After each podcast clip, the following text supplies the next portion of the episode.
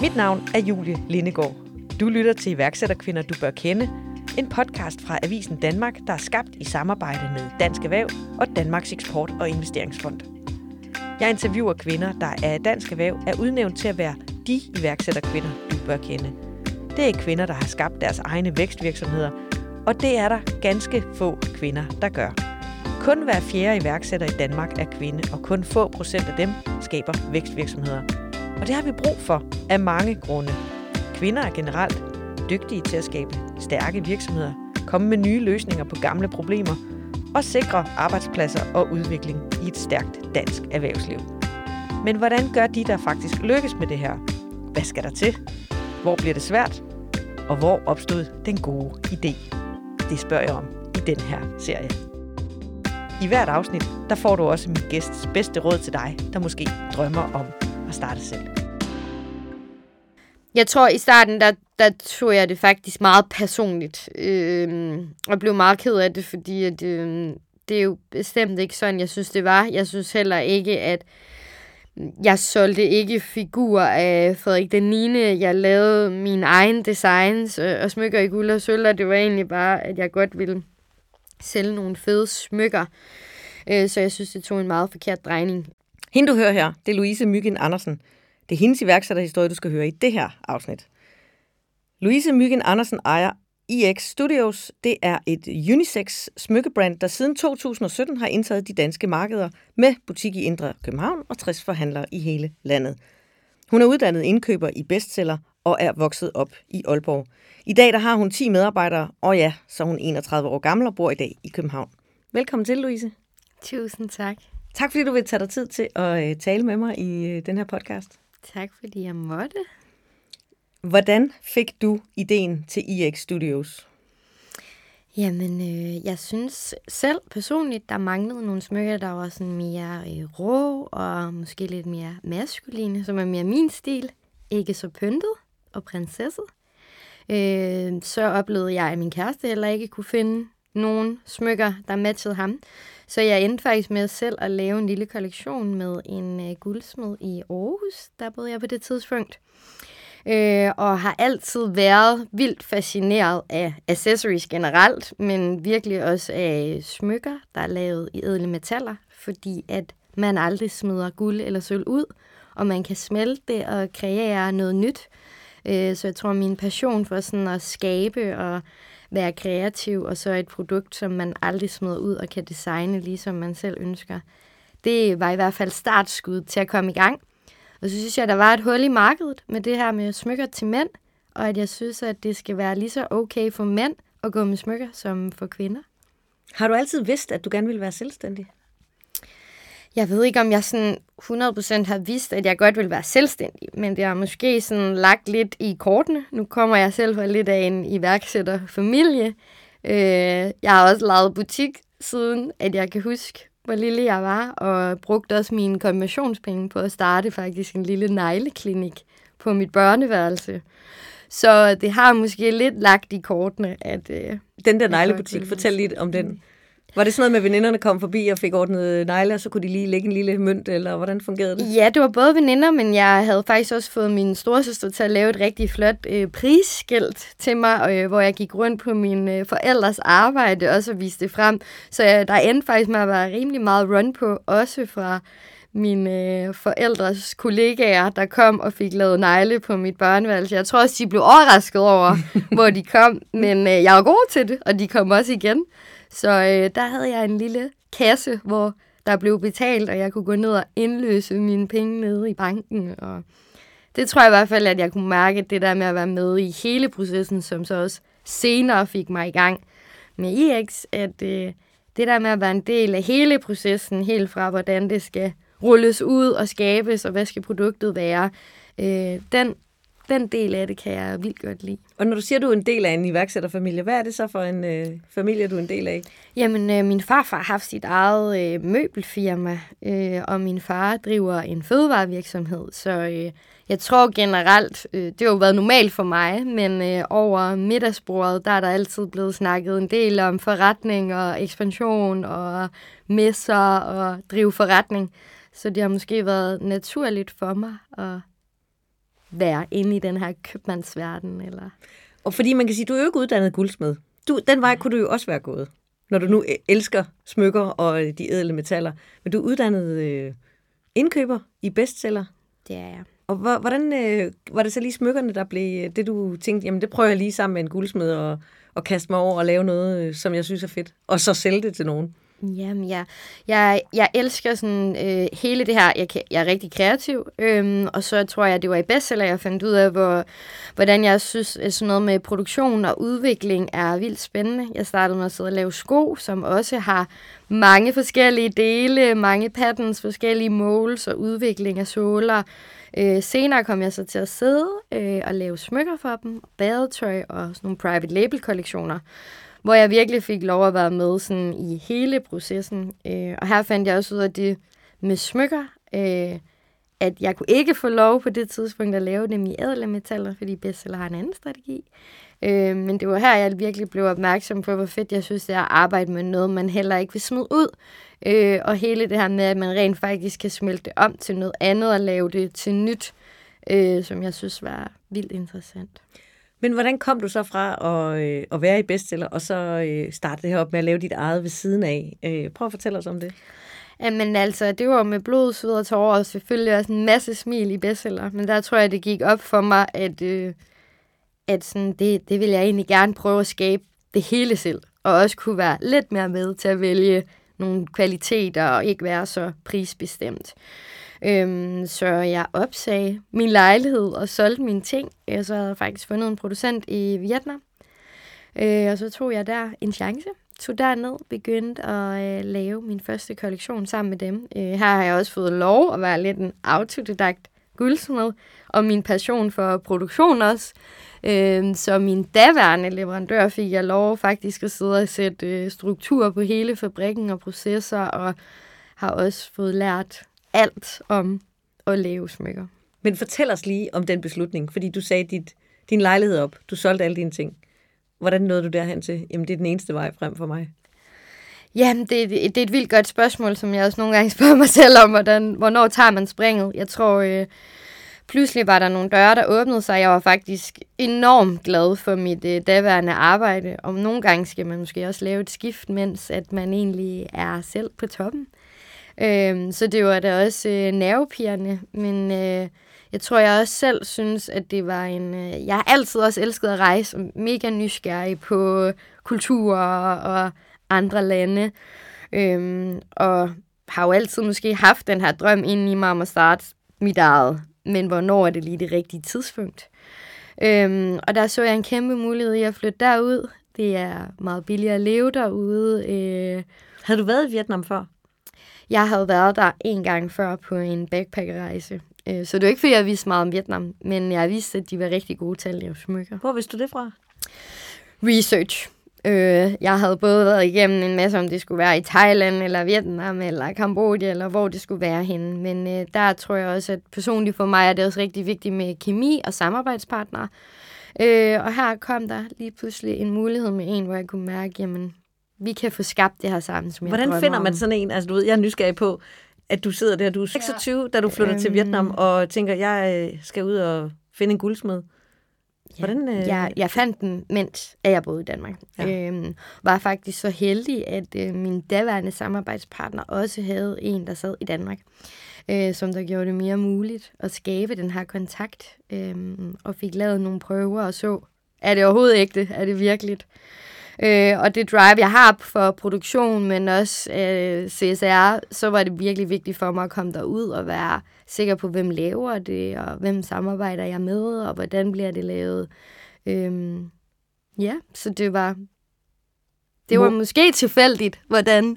Men det var også, øh, jeg tænker, det må også have været et modigt spring at sige, at nu, nu siger jeg min lejlighed op, sælger mine ting og flytter til Vietnam, fordi jeg tror, jeg har fundet en samarbejdspartner, jeg kunne tænke mig at lave nogle smykker med, som jeg ikke engang ved, om jeg kan sælge endnu. Hvad sagde din familie? Øh, jeg kan meget tydeligt huske, øh, hvad min far sagde. Øh, og men jeg tror, at øh, han lavede om på, hvad han sagde, da han så tog sin bil og kørte fra Aalborg ned i Aarhus for at kigge mig i øjnene og sige, du skal ikke sige dit job op. Øh, men at han så, at der allerede lå mange flotte smykker på mit bord. Jeg havde fået prøver og priser og havde testet dem. Og at det gik op for ham, okay, du er lidt længere i processen end bare, som du siger, sige sit job op og håbe på, der er en producent derude. Øhm, så jeg havde jo arbejdet på det længe. Øhm, og også min proces som først bare egentlig at lave det til mig selv. Øhm, så øhm, jeg følte måske ikke, det var så risikofuldt. Men selvfølgelig er det nervepirrende, specielt når man er glad for, hvad man laver, og glad for, hvor man bor, og, og glad for sine familie og venner. Hvad skete der, da du kom til Vietnam? Jamen, øh, jeg flyttede derud med min øh, daværende kæreste. Øh, vi boede først lidt med nogle familier, lidt lokalt, og fandt så på et tidspunkt en lejlighed, øh, som vi delte med et andet par, der også drev noget forretning derude. Øh, og så var det ellers bare at være i produktionen nærmest dag ud og dag ind og skabe denne her kollektion og begynde at lave webshop, begynde at lave produkttekster og finde ud af, hvordan man vil markedsføre det og hele muligheden. Og det her var jo ting, du ikke havde prøvet før, kan man sige. Det var det. Du har siddet som indkøber, og der har du selvfølgelig en masse eks- ekspertise omkring det, men alt det her nye her, hvordan, hvordan håndterede du det? Det tror jeg jo det, der går op for en, når man går i gang, at der er også mange processer, man ikke har tænkt over. Øh, oprette et selskab, registrere et navn, registrere et logo. Hvordan markedsfører man, hvordan finder man øh, de rette hjælp til det? Men øh, netværk og Google og alt muligt andet, det kan jo mange ting, men det var virkelig en proces, som jeg også nød, og som jeg også vil sige med andre, der sidder derude med den der i maven, at man skal jo nok finde ud af det. Man skal bare ture og spørge, og både spørge om hjælp, og, men også bare reach ud til andre. Jeg tror, der sidder rigtig mange, der vil elske at hjælpe en på vej.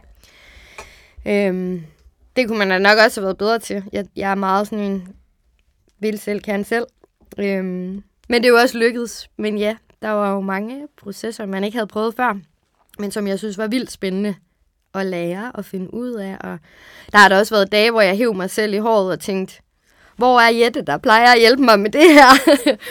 Men øh, så fandt man jo også ud af, hvor meget hun betød. Øh, og så måtte man jo finde ud af selv, hvordan man klarede det. Og når du... Øh, øh, da, da I boede ude i Vietnam, hvad levede I af? Altså, fordi du havde jo ikke stadigvæk ikke nogen forretning eller noget salg endnu øh, på det tidspunkt her. Nej, jeg havde selvfølgelig lavet mig en, en opsparing med mit tidligere arbejde. Jeg startede også øh, som fuldtid, da jeg kun var 18 år gammel, så jeg havde også noget arbejde nogle år.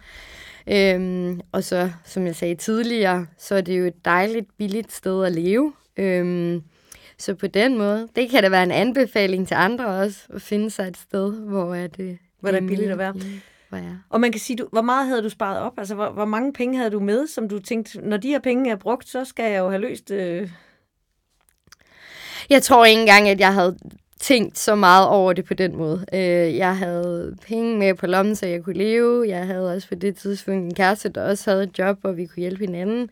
Som sagt var det overraskende billigt at leve derude. Så jeg havde selvfølgelig sat nogle penge ind i mit selskab, som det skulle startes op fra. Øh, og hvis pengene slap op, måtte man jo rejse hjem. Jeg havde sat 200.000 ind i mit selskab, for at kunne starte det op.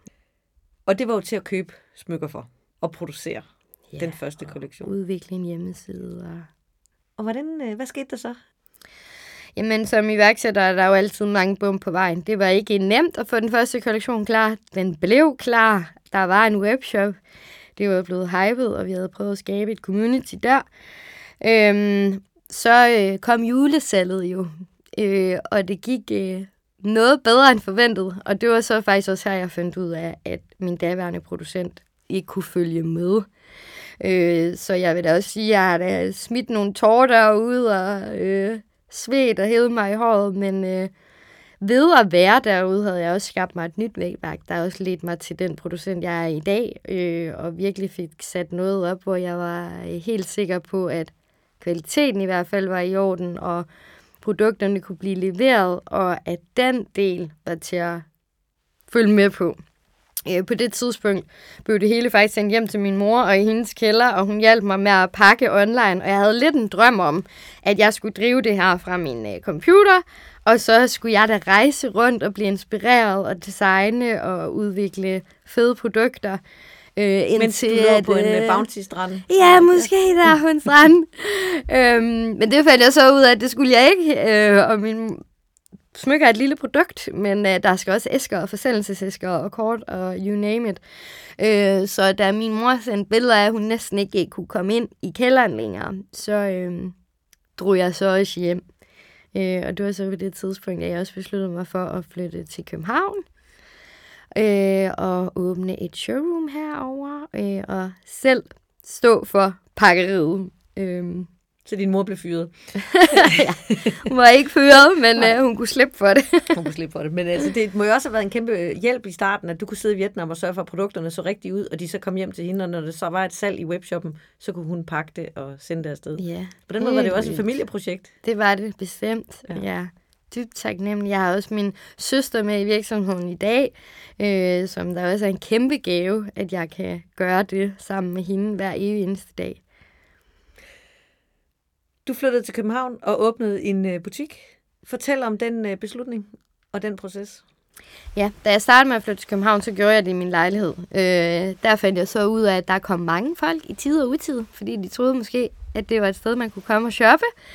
Øh, så når man havde prøvet nogle gange at stå der i sit undertøj en søndag morgen, og der var nogen, der ringede på og gerne ville se en smykker, øh, så begyndte jeg at tænke over, at øh, der måtte nødt til at være et sted, hvor man kunne komme, og et ordentligt kontor, og så man ikke skulle have ansatte hjem i ens øh, egen lejlighed, og øh, måske egentlig aldrig helt kunne slappe helt af, øh, fordi at ens hjem og virksomhed var det samme. Øh, så havde jeg en stor problematik i egentlig ringstørrelser. Så øh, det var lidt øh, fod i rose der, at øh, der skulle findes en lokation. Der øh, fik jeg et legemål ind i Kronprinsens Gade, som der blev sådan et lidt atypisk butik-showroom, hvor man går op på første sal, øh, hvor vi også har kontor i dag. Øh, og det, det gik godt. Øh, så sidste år åbnede jeg en ny lokation i første sal, eller stueplan hedder det vel, i Niels Hemmingsens gade, øh, som er mere en ægte butik, kan man måske kalde det. Øh, så nu har vi butikken og forhandlerne og et showroom. Hvornår nåede du til at skulle have en ansat? Jamen altså, min daværende kæreste hjalp mig utrolig meget, øh, og var øh, også på det tidspunkt ansat i virksomheden, så fik jeg jo rigtig fed hjælp af både venner og veninder og min familie. Øh, jeg fik en praktikant, øh, og så da jeg fik legemålet øh, inde i Kronprinsens Gade, så var det på tide også at få nogle flere ansatte, også for at nå i mål. Øh, jeg gør det også i dag, arbejder næsten 24-7, men øh, det var endnu vildere dengang. Så det var måske også det, der fik en til at tænke, nu var der både økonomi til det, og i hvert fald også lysten til at få nogen at dele det med og vækste ja. sammen med. Hvad, hvad var det første, du fik hjælp til? Øhm, det var faktisk hele den her proces med at, at prøve at komme ud i butikker øh, ved forhandlere. Øhm, det gik rigtig, rigtig godt online. Og største udfordring og problematik, det var faktisk det her med, at specielt måske mænd har rigtig svært ved at finde deres ringstørrelse. Øhm, og den udfordring kunne jeg ligesom se, måske kunne løse sig i, at man rent faktisk kunne besøge nogle butikker, og man kunne prøve det på.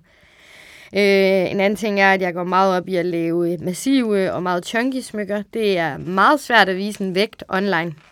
Øh, så det der med at være sikker på, at folk faktisk kunne komme og mærke kvaliteten og finde ud af deres ringstørrelse og se, hvilken farve guld og sølv det var.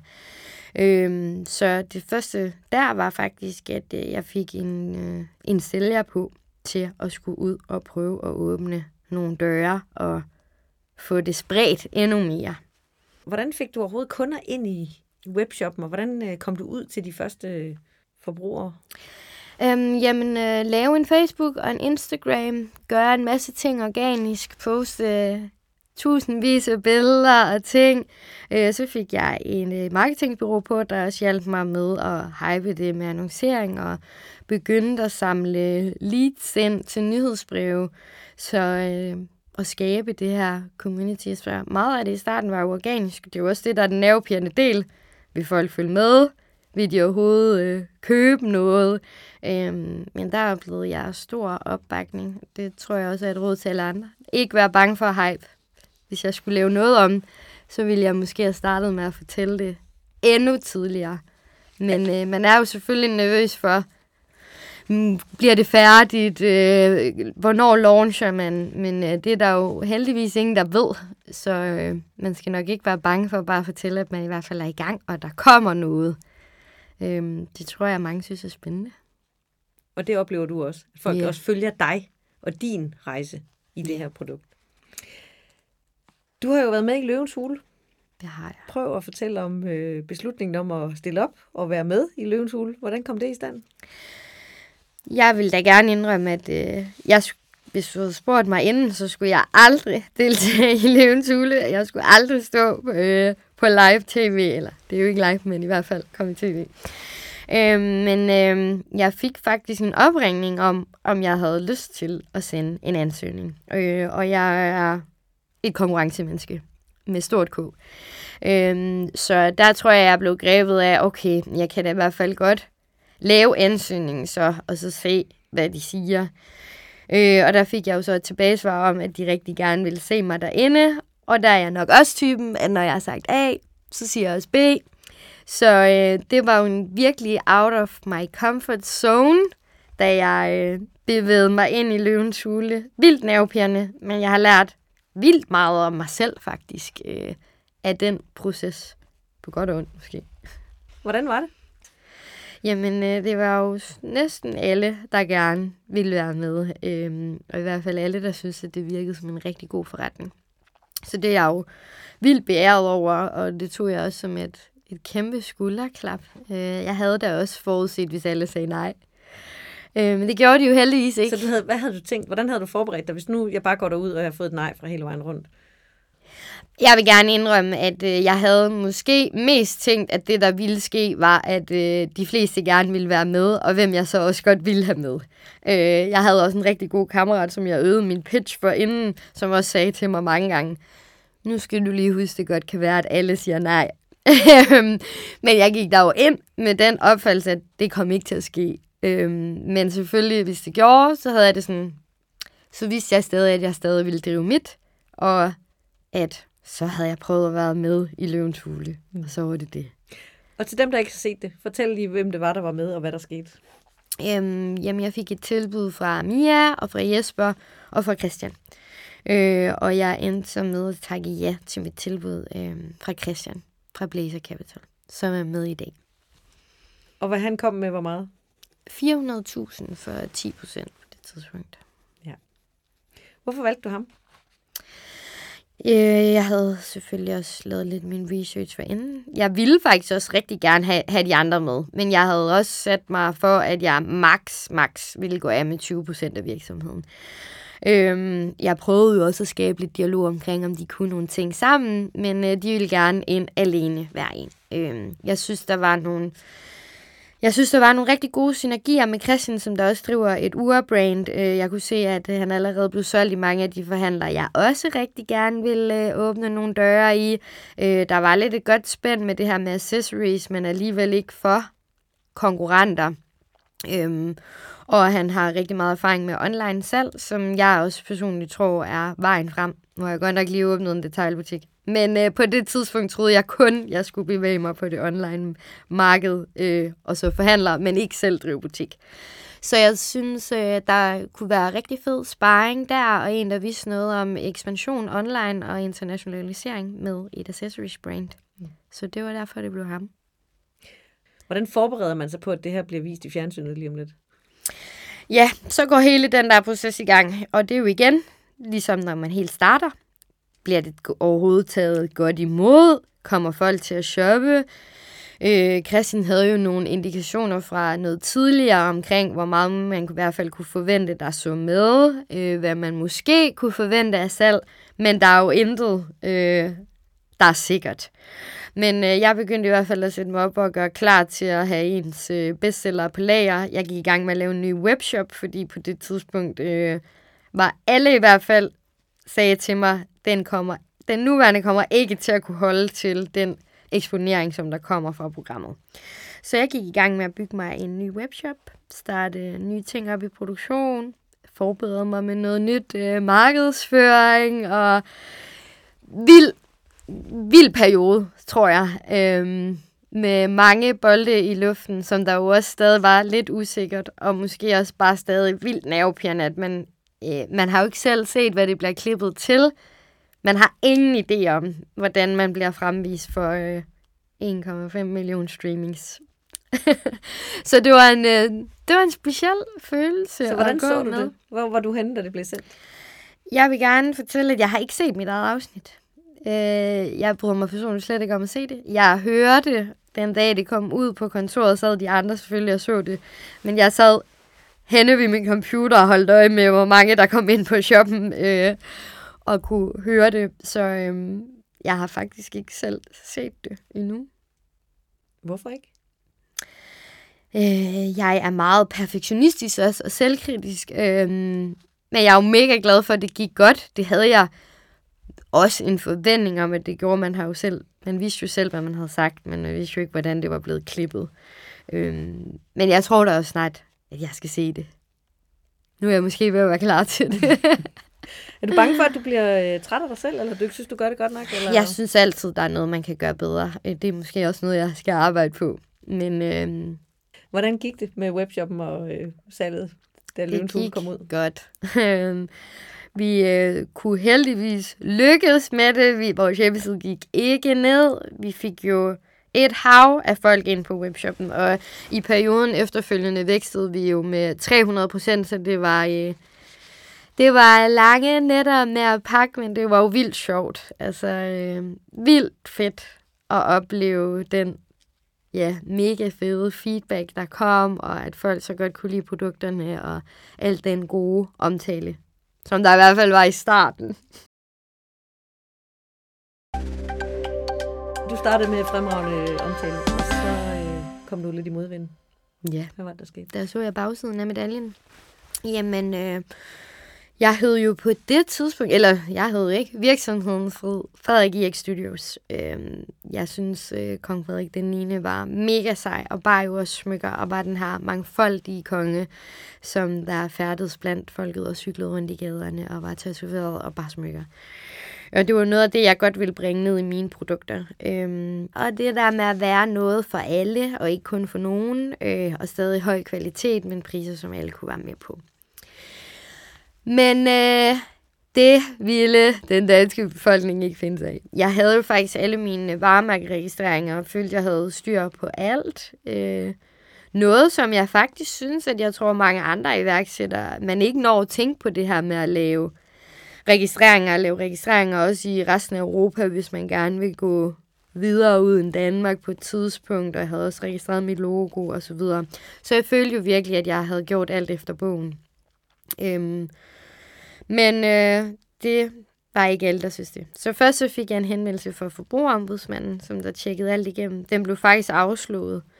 Øh, men der var stadig et stort forstyr omkring, at jeg kunne få lov at kalde min virksomhed det.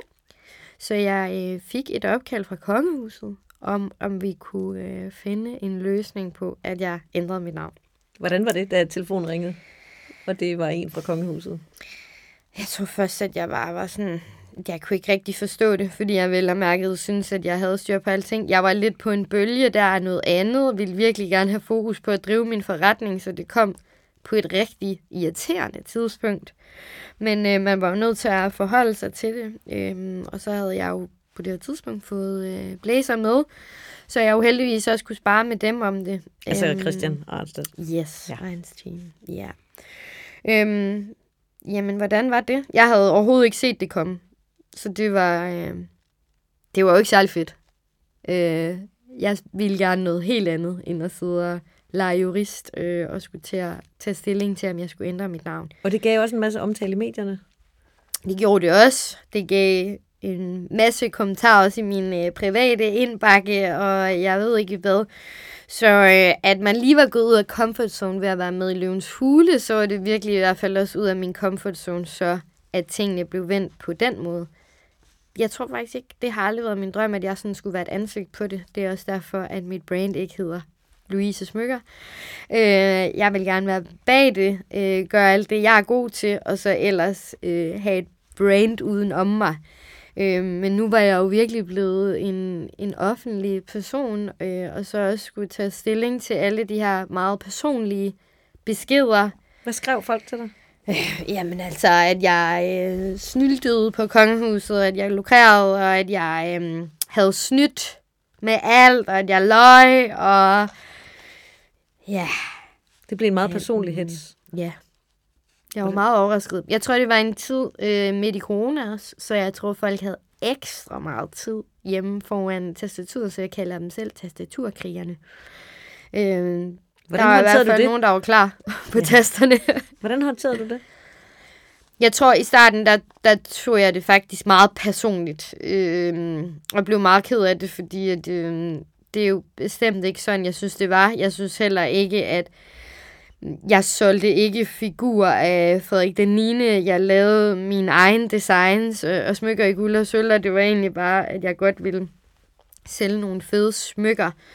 Øh, så jeg synes, det tog en meget forkert drejning. Øh, jeg fandt nok også hurtigt ud af, at det måtte jeg bare ignorere. Øh, og lad være med at gå på min Facebook, lad være med at gå på min Instagram. Øh, og ja, fordi du fortæller også, at du er meget selvkritisk, og, ja. og derfor ikke har set Løvens Hule. Og når så der kommer nærmest sådan en shitstorm imod dig, så tænker jeg, det må alligevel have været en udfordrende tid for dig som person. Det var altså, det. Det var rigtig udfordrende. Jeg tror også, man har lyst til at svare alle igen, øh, men det fandt jeg jo så ud af, at det nyttede heller ikke noget, og det gjorde jeg heller ikke, men det har man jo lyst til. Øh, fordi at øh, jeg har virkelig kæmpet for at bygge det her øh, op, øh, og jeg synes, at jo, det var vildt ærgerligt, også både hvis det skulle øh, ligge en helt ned på grund af et navn. Øh, så det var en hård tid, det vil jeg gerne øh, skrive under på. Og så besluttede I i teamet at skifte navn? Ja, så med en mindelig aftale med kongehuset fandt vi ud af, at øh, så skiftede jeg navn. Øh, det var hele historien og brandet betød selvfølgelig alt for mig. Det var ligesom en baby. Øh, men jeg var også... Øh, jeg blev også træt nok af at sidde og prøve at lege jurist, øh, og fik måske der også virkelig øjnene op for, hvad det er, der gør, at jeg brænder for det, jeg laver, og hvorfor at øh, man kan arbejde hele dagen lang, fordi jeg elsker det, jeg laver. Pludselig sad jeg med nogle ting, som der bare overhovedet ikke var noget, jeg synes, der var fedt. Øhm, så, øh, så fandt en aftale med dem om, at øh, så lavede jeg mit navn om.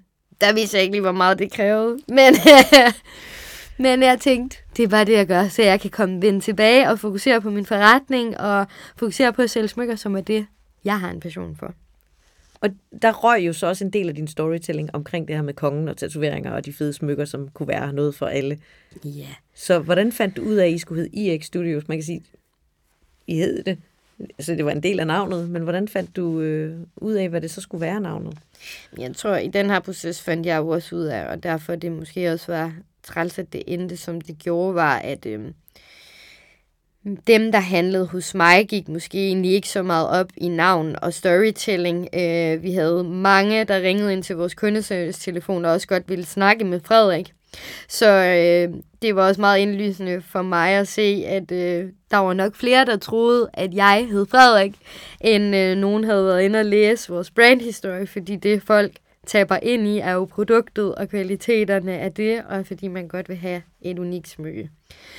Øhm, og at det så skulle hedde IX Studios, var også fordi, at jeg synes, der skulle bevares noget af det, øh, man havde skabt. Øh, så det er blevet et krydsfelt mellem alt, hvad der var for enden, og alt, hvad vi er nu. Øhm, så det tror jeg egentlig, jeg var meget hurtig om at beslutte. Selvom der var selvfølgelig op at vende i hele teamet, og også med investorer, om skulle det så hedde noget helt, helt nyt. Men øh, det var, var jeg egentlig meget fast på, og også stadig rigtig glad for i dag, at jeg synes, det skulle EX Studios, og jeg havde...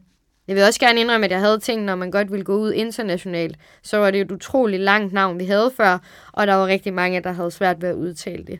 Så jeg synes, det blev mere unisex og mere clean, og stadig noget af alt det, som jeg havde brugt fem år på at skabe. Er det en efterrationalisering, du sidder med nu, eller var det også en del af processen, der da du stod der? Fordi man kan sige, at i dag der er du jo der har du taget det til dig, og nu er det blevet EX Studios, og det er det, det er. Det kan ikke være andet. Mm. Men er det også en efterrationalisering at sige, det blev godt? Eller? Jeg tror faktisk, det var meget sådan, jeg havde. På det tidspunkt ville jeg jo allerhelst nok bare ikke ændre noget, men jeg måtte jo også selv erkende over for mig selv, at jeg faktisk havde tænkt over, at det var et meget langt navn, jeg havde længe tænkt over. Jeg kaldte det. Jeg har altid selv kaldt det IX. Øhm, så på den måde kom det egentlig meget naturligt. Jeg tror nu, at jeg også jo godt kan se, at øh, det giver mega god mening. Jeg synes, det er en mega fed ny brand øh, guideline, vi har fået, øh, og en mega fed ny visuel identitet. Så jeg tror mere, jeg nu kan tænke sådan, uh, man kunne altså kalde det noget andet. Men det er jo måske den, der skaber ind i en, der lige pludselig begynder at tænke, det kunne også være sjovt. Men jeg tror ikke, jeg går igennem en rebranding igen, vil jeg godt sige. Fortæl lidt om udfordringerne i det. Det var jo en lang liste, jeg gik i gang med der. Øh, sådan kort fortalt, så vil jeg sige, at det faktisk viste sig jo næsten som at være start forfra. Øh, set i bagspejlet, nu er jeg jo også virkelig ked af, at man har brugt så meget tid på den del, i stedet for øh, og ligesom gå videre fra de steps, man allerede havde taget. Fordi... Så det blev sådan et setback for dig, fordi du egentlig skulle starte lidt forfra. Du var egentlig godt på vej, men pludselig yeah. skulle du i gang med at rebrande og finde på... Ja, det nyt... synes jeg faktisk, det blev. Det blev virkelig et setback, for det var helt tilbage om at lave et nyt selskab igen, nyt selskabsnavn, øh, forholde sig til en masse ting omkring igen, jura med at lave varemærkeregistreringer. Jeg skulle stemple alle mine smykker om, lave øh, helt ny identitet, lave nye æsker. Så jeg følte faktisk, at jeg gik igennem hele den proces, som jeg sad i i Vietnam. Men det var med en lidt anden følelse indeni. Øhm, fordi at jeg sjovt. godt ville videre, fordi jeg var de skridt videre. Øhm, så på den måde er det jo ikke så fedt at blive øh, sat tilbage. Det er lidt ligesom at starte med at gå igen, hvis man har lært at løbe. Du er jo allerede 60 forhandlere i Danmark, og du har din egen forretning inde midt i København. Mm-hmm. Hvad er det næste, der skal ske for din øh, virksomhed? Jamen, jeg vil jo rigtig gerne ud over landets grænser. Øh, jeg er også i gang med England. Det startede jeg op her i det her i indeværende år, hvor vi har op på syv forhandlere nu. Jeg er også småt i gang i Norge, hvor vi har seks forhandlere. Øhm, så lige nu handler det om at øge kendskabsgraden og nå endnu bredere ud. Øhm, så jeg er også lidt i gang med at lave nogle flere produktkategorier. Øhm, som forhåbentlig launcher på et tidspunkt, men jeg vil også sige, at jeg har lige mærket øh, et stort pres om alle mulige ting, så det er lidt sat tilbage. Men drømmen er, at det skal være et accessories brand for stadig både mænd og kvinder med flere kategorier på. Øh, og lige nu er det at komme ud på nogle flere markeder, som vi er i fuld gang med. Hvor er du hen om fem år?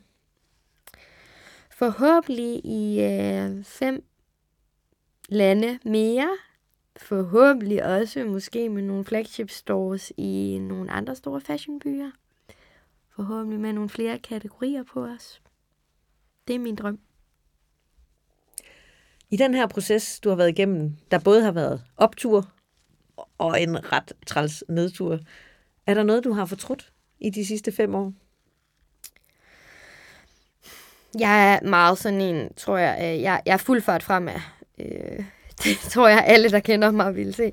Så jeg er også lidt imod at kigge tilbage. Øh, men selvfølgelig har man da tænkt over, øh, hvad man øh, ville have gjort anderledes. Jeg, havde, jeg kunne have drømt om, at den proces øh, med rebranding var blevet anderledes. Men nu kan jeg også tage den ind som en helt vildt lærerig proces, og pludselig se, hvor meget jeg udviklede mig selv.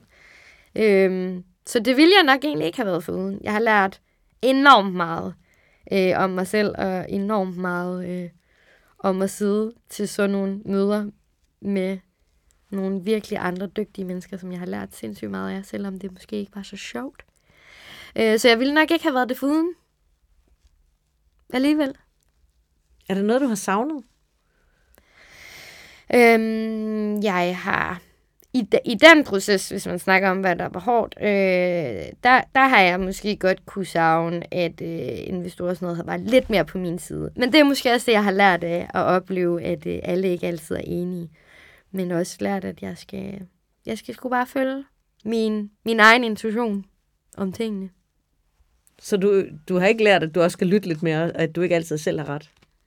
du har... 100 procent, jeg aldrig selv har ret. Men jeg tror også, at jeg har lært øh, som iværksætter, og som mange andre også kunne, at det, det er virkelig også vigtigt, når man brænder så meget for noget, at det, man gør, er også noget, man kan se sig selv i, og stå inden for at have sig selv med. Ellers så bliver det ikke sjovt. Øhm, så det, det har jeg lært, at øh, det skal være sjovt, og det er måske også noget af det, jeg har savnet i en lang periode. At det har været mere hårdt, end det har været sjovt. Øhm, det er vigtigt, at det er, at det er sjovt. Hvorfor? Det kan også være, at nogle andre vil synes, det var anderledes. Men når man øh, som mig ikke kan lade være med at arbejde, så er det da altid meget federe, at der er øh, kæmpe motivation og glæde, og at øh, teamet har det mega sjovt, imens man har mega travlt. Det giver i hvert fald mig sindssygt meget drive og energi. Og hvordan går det i dag? Man kan sige, at du startede med at bo i Vietnam og leve af din opsparing, og øh, leve billigt, og ikke få løn i starten. Yeah. Nu har du været i gang i fem år. Hvordan går det med det? Nu får jeg i hvert fald en løn. øhm, det går godt. Der er så meget indikation for for mig, om det går godt. Øh, jeg, har, jeg vil virkelig gerne se min virksomhed blomstre. Jeg vil virkelig gerne se endnu flere bære mine produkter, så det tror jeg er mere et succeskriterie for mig end lønnen. Så kan jeg også godt gå ned i løn, hvis det betyder, at jeg kan øh, komme hurtigere ud på et marked. Det tror jeg faktisk driver mig mere. Men øh, ja, det går godt. Det har selvfølgelig lige nu været nogle opnorme år. Det har nok ikke været de fedeste år at starte virksomhed i. Tre år med corona, nu en anden form for krise. Øh, men så håber jeg at man har lært alle de skeptiske scenarier. Så det har været noget af en bumpy ride med, øh, hvordan hele verdenssituationen har set ud, som selvfølgelig påvirker en virksomhed. Øh, så det har da været nogle hårde år, hvor det har været svært at 100% følge ens strategiplan. Øhm, men jeg synes, det går godt. Har der været tidspunkter, hvor du har tænkt, jeg tror bare, jeg skal have mig et helt almindeligt fast arbejde?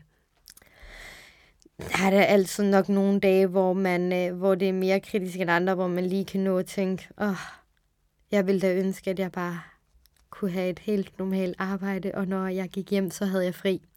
Jeg vil også sige, lige så snart den tanke går igennem mit eget hoved, så, øh, så er det slet ikke det, jeg drømmer om. Øh, og så kan jeg godt mærke, at jeg synes, det er mega fedt at være, selv være med i alle processer og være lidt herre i eget hus. Øh, det, det passer mega godt til mig. Jeg tror, hvis jeg fik et almindeligt job, så ville jeg alligevel ikke kunne lade være med at sidde og lave et eller andet andet, når jeg havde fri.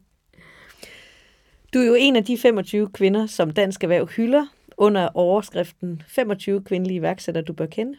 Ja. Hvad betyder det for dig? Jeg var da vildt beæret og stolt, da jeg fik det brev. Øhm, og jeg, ja, vildt stolt, vildt glad. Øhm, efter jeg lige har suget det ind, så øh, synes jeg, det er, betyder helt vildt meget for mig, at jeg kan få lov at være en rollemodel for andre. Nu sagde jeg tidligere, at drømmen måske ikke var at blive et offentligt ansigt, men det er jeg nu. Øh, og jeg vil vildt gerne være den, man tør at reache ud til for noget sparring eller hjælp, som jeg selv ved, at da jeg gik i gang, at der, der manglede jeg nogen i mit netværk, der havde øh, prøvet det her før. Der er ikke så mange på 26-27, der lige springer ud som øh, Nej. smykkeproducent med eget produktion i Vietnam. Nej, og jeg havde øh, på det tidspunkt ikke så mange mænd og veninder, der heller var i gang med deres eget projekt. Øh, hvor man godt kan føle sig en øh, lille smule alene, så jeg jeg er stolt over, hvis jeg kan være den rollemodel, og, og jeg har øh, også lidt et håb om for mig selv, at jeg på et tidspunkt, når jeg måske kan arbejde lidt mindre og være mere helikopteren i min egen virksomhed, at jeg kunne bruge øh, endnu mere af min tid på faktisk øh, at hjælpe andre iværksættere, og jeg har en, en kæmpe sådan, passion for at se noget, der blomstrer, eller øh, ja, se alt det her, der knitrer i noget, der er nyt. Så øh, det er jeg mega glad for, hvis det her også kan være mit startskud til at få lov at være den rollemodel, som jeg måske selv manglede, da jeg gik i gang. Har du selv mærket, at øh, du var noget særligt? Nu er Dansk Erhverv jo ude og øh, arbejde med de her 25 kvindelige iværksættere, du bør kende. Jeg synes, jeg har nogle gange oplevet en mindre øh, seriøsitet omkring, at jeg er en kvinde, der driver det, end jeg oplever øh, mandlige iværksættere, som jeg har bekendtskab til, deres oplevelser i Kan nogle givende Kan du prøve at give et eksempel på, hvordan det kunne være?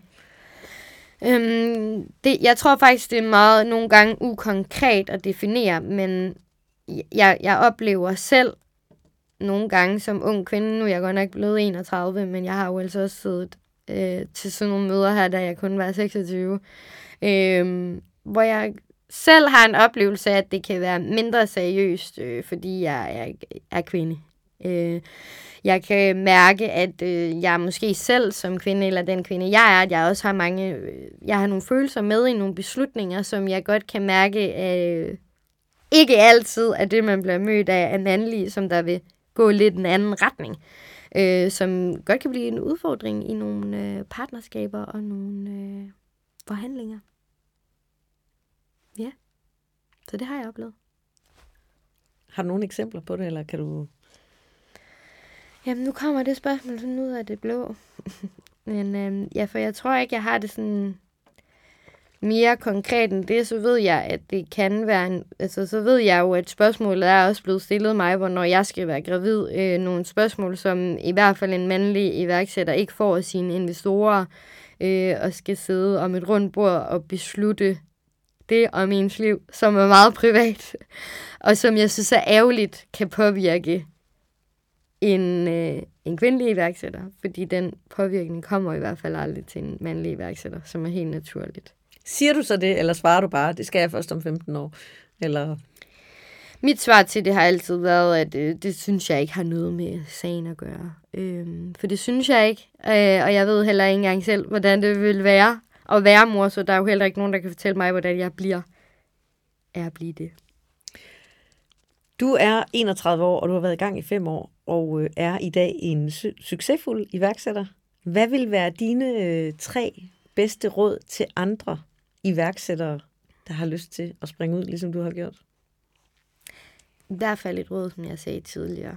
Det var det med, vær ikke bange for at fortælle, du er i gang. Fortæl, fortæl, fortæl. Lad hele verden vide det. Også selvom du ikke ved, om du vil lykkes. Det synes jeg ikke, der er noget nederlag i. Og jeg tror, hvis man har et drive til at gøre det, og hvis man ved, at man vil gøre det, så bliver det selvfølgelig også til noget. Øh, men det bliver bare også kun til noget, hvis folk ved, at du har startet det. Øh, så det er i hvert fald en, jeg har skrevet mig selv bag øret. Øh, Start også til tidligere. kampagner, som jeg launcher nu. Lad være med at være bange for at fortælle nogen, at det kommer, fordi det tager, det tager tid at få folk til at nå at se dig. Det er, der er mange fisk i vandet. Det er i hvert fald et råd, jeg vil give med mig videre. Det skal man ikke være bange for. Jeg har selv stået der og været bange for at fortælle nogen om noget, øh, også fordi man er bange for, at der er nogen andre, der når det, så at gøre det før mig, eller hvad hvis det slet ikke bliver til noget. Og det er man jo. Det er man selv herover, om det bliver, og hvornår det gør. Øh, og så tror jeg ikke, man skal være bange for at lukke nogen andre ind på vejen. Det er det første gode råd. Ja. Så vil jeg sige, at det er enormt vir- vigtigt, og det har jeg også mærket på egen krop, at virkelig få sat sig et øh, godt team fra starten. Øhm, måske virkelig også helt fra starten finde sig en god partner. Øhm, det kunne være en af de ting, jeg har savnet. Det har virkelig været at have en partner med, i det, med samme hånd på kogepladen som en selv. Øh, og man kan ikke forvente, at øh, dem omkring en øh, ved, hvordan den følelse er. Øhm, fordi det er en anden følelse at have hånden på kogepladen. Øhm, så find en mega god partner, eller start et mega godt team. Det kan også være en er beslutning, når man slet ikke ved endnu, hvor mange der vil købe ens produkt. Men jeg tror, at det er en forudsætning for, at man øh, kan lykkes. Øhm, og jeg er også af den bog- overbevisning sådan, at øh, team og mennesker slår strategi. Øhm, for det er svært at følge en strategi, hvis man ikke har de rigtige hænder eller nok hænder til at udføre strategien. Og en af dem, du har fået ind i virksomheden, er jo din søster. Ja, Og hvordan er det kommet i stand? jamen hun har jo været med mig hele vejen, og mens hun har studeret, har hun også altid hjulpet med at stå i showroom og butik og pakke og alle de ting, der nu er altid en kæmpe støtte. Da hun så blev færdig på universitetet, så startede hun fuldtid inde med mig. Og det er, jeg synes, jeg synes det er en gave, øh, og øh, vildt fedt, man kan det med en søster, øh, men også vildt fedt at virkelig have en øh, så tæt på sig hver dag, som man stoler så ubetinget på. Men du er jo chef for din søster. Ja, det er jeg jo. Det siger du nærmest lidt overraskende. Jamen, jeg, jeg håber, at, øh, at alle i mit team... Jeg, jeg, jeg, der er nok nogle gange behov for hierarki, men jeg håber, at alle i min virksomhed også vil sige, at det er en meget flad organisation. Øh, og der er frihed under ansvar, og jeg elsker at se andre tage ansvar og ja, tage ejerskab i de, deres opgaver. Men ja, det er jo mig, der har det sidste ord, men øh, jeg går meget ind for at have en flad organisation. Så team er nok mit andet gode råd. Øhm, mit tredje gode råd vil nok også være virkelig få styr på sin øh, business intelligence, få styr på de rigtige systemer, have den rigtige webshop. Det er også en stor investering. Men øh, jeg kan selv skrive under på, at det er en kæmpe investering at gøre det halvt, for så at gøre det om igen. Og det er en lang proces. Så et rigtig godt råd, det er at virkelig undersøge, hvad der er de bedste platforme og styresystemer for den virksomhed, man er ved at bygge op. Og så gøre det rigtigt fra starten, det tror jeg kan blive igen en stor faktor for at få succes, at man har de rette systemer, der giver de rette forudsætninger for den vækstplan, man har, og de mål, man har. Og hvordan finder man ud af, hvad der er det rigtige? Det er igen sparring, tror jeg. Øh, kan man spørge spørge andre, hvad for nogle systemer de bruger. Øh, tag de møder, tag den tid og investering i at gå ud og lytte til de mennesker, der sidder bag de her store systemer, for virkelig at høre, om det er noget, der passer ind i din virksomhed. Det er selvfølgelig svært, når man er ny, men jeg tror, det er det, jeg mener med mit råd, det er, så fortæl de store drømme, og så kan det godt være, at man ikke starter med at bruge hele systemet, men systemet er klar til din drøm, så det er i hvert fald ikke det, der spænder ben for dig. Har du fordi også det er der nok det? alt muligt andet, der skal gøre. Har du også oplevet det der med at skulle skifte system, fordi du ikke havde været gearet godt nok fra start? Ja, det har jeg. Øh, Jeg har både prøvet at sidde og drive øh, 60 forhandlere i et Excel-ark. Det er, øh, det er ikke holdbart. Øh, ja, og jeg har jo så også skulle stå i en ret hurtig proces og sadle om i forhold til at have en webshop, der ikke kunne følge med. Øh, så, og der kunne jeg 100% have investeret lidt mere tid og gjort mig lidt mere umage. Og så havde jeg nok startet på den platform i stedet for den anden. Så, øh, Så det, det er råd vil jeg godt give videre. det behøver man ikke at lave den samme fejl. Nej, Det er det, du mener. det behøver man ikke. Mm. Louise Myggen Andersen, det var en kæmpe fornøjelse at høre din iværksætterhistorie. Tak fordi du ville dele den. Tak fordi jeg måtte komme. Tak for at lytte. Du har lyttet til iværksætterkvinder, du bør kende. En podcast fra Avisen Danmark, skabt i samarbejde med Dansk Erhverv og Danmarks Eksport- og Investeringsfond.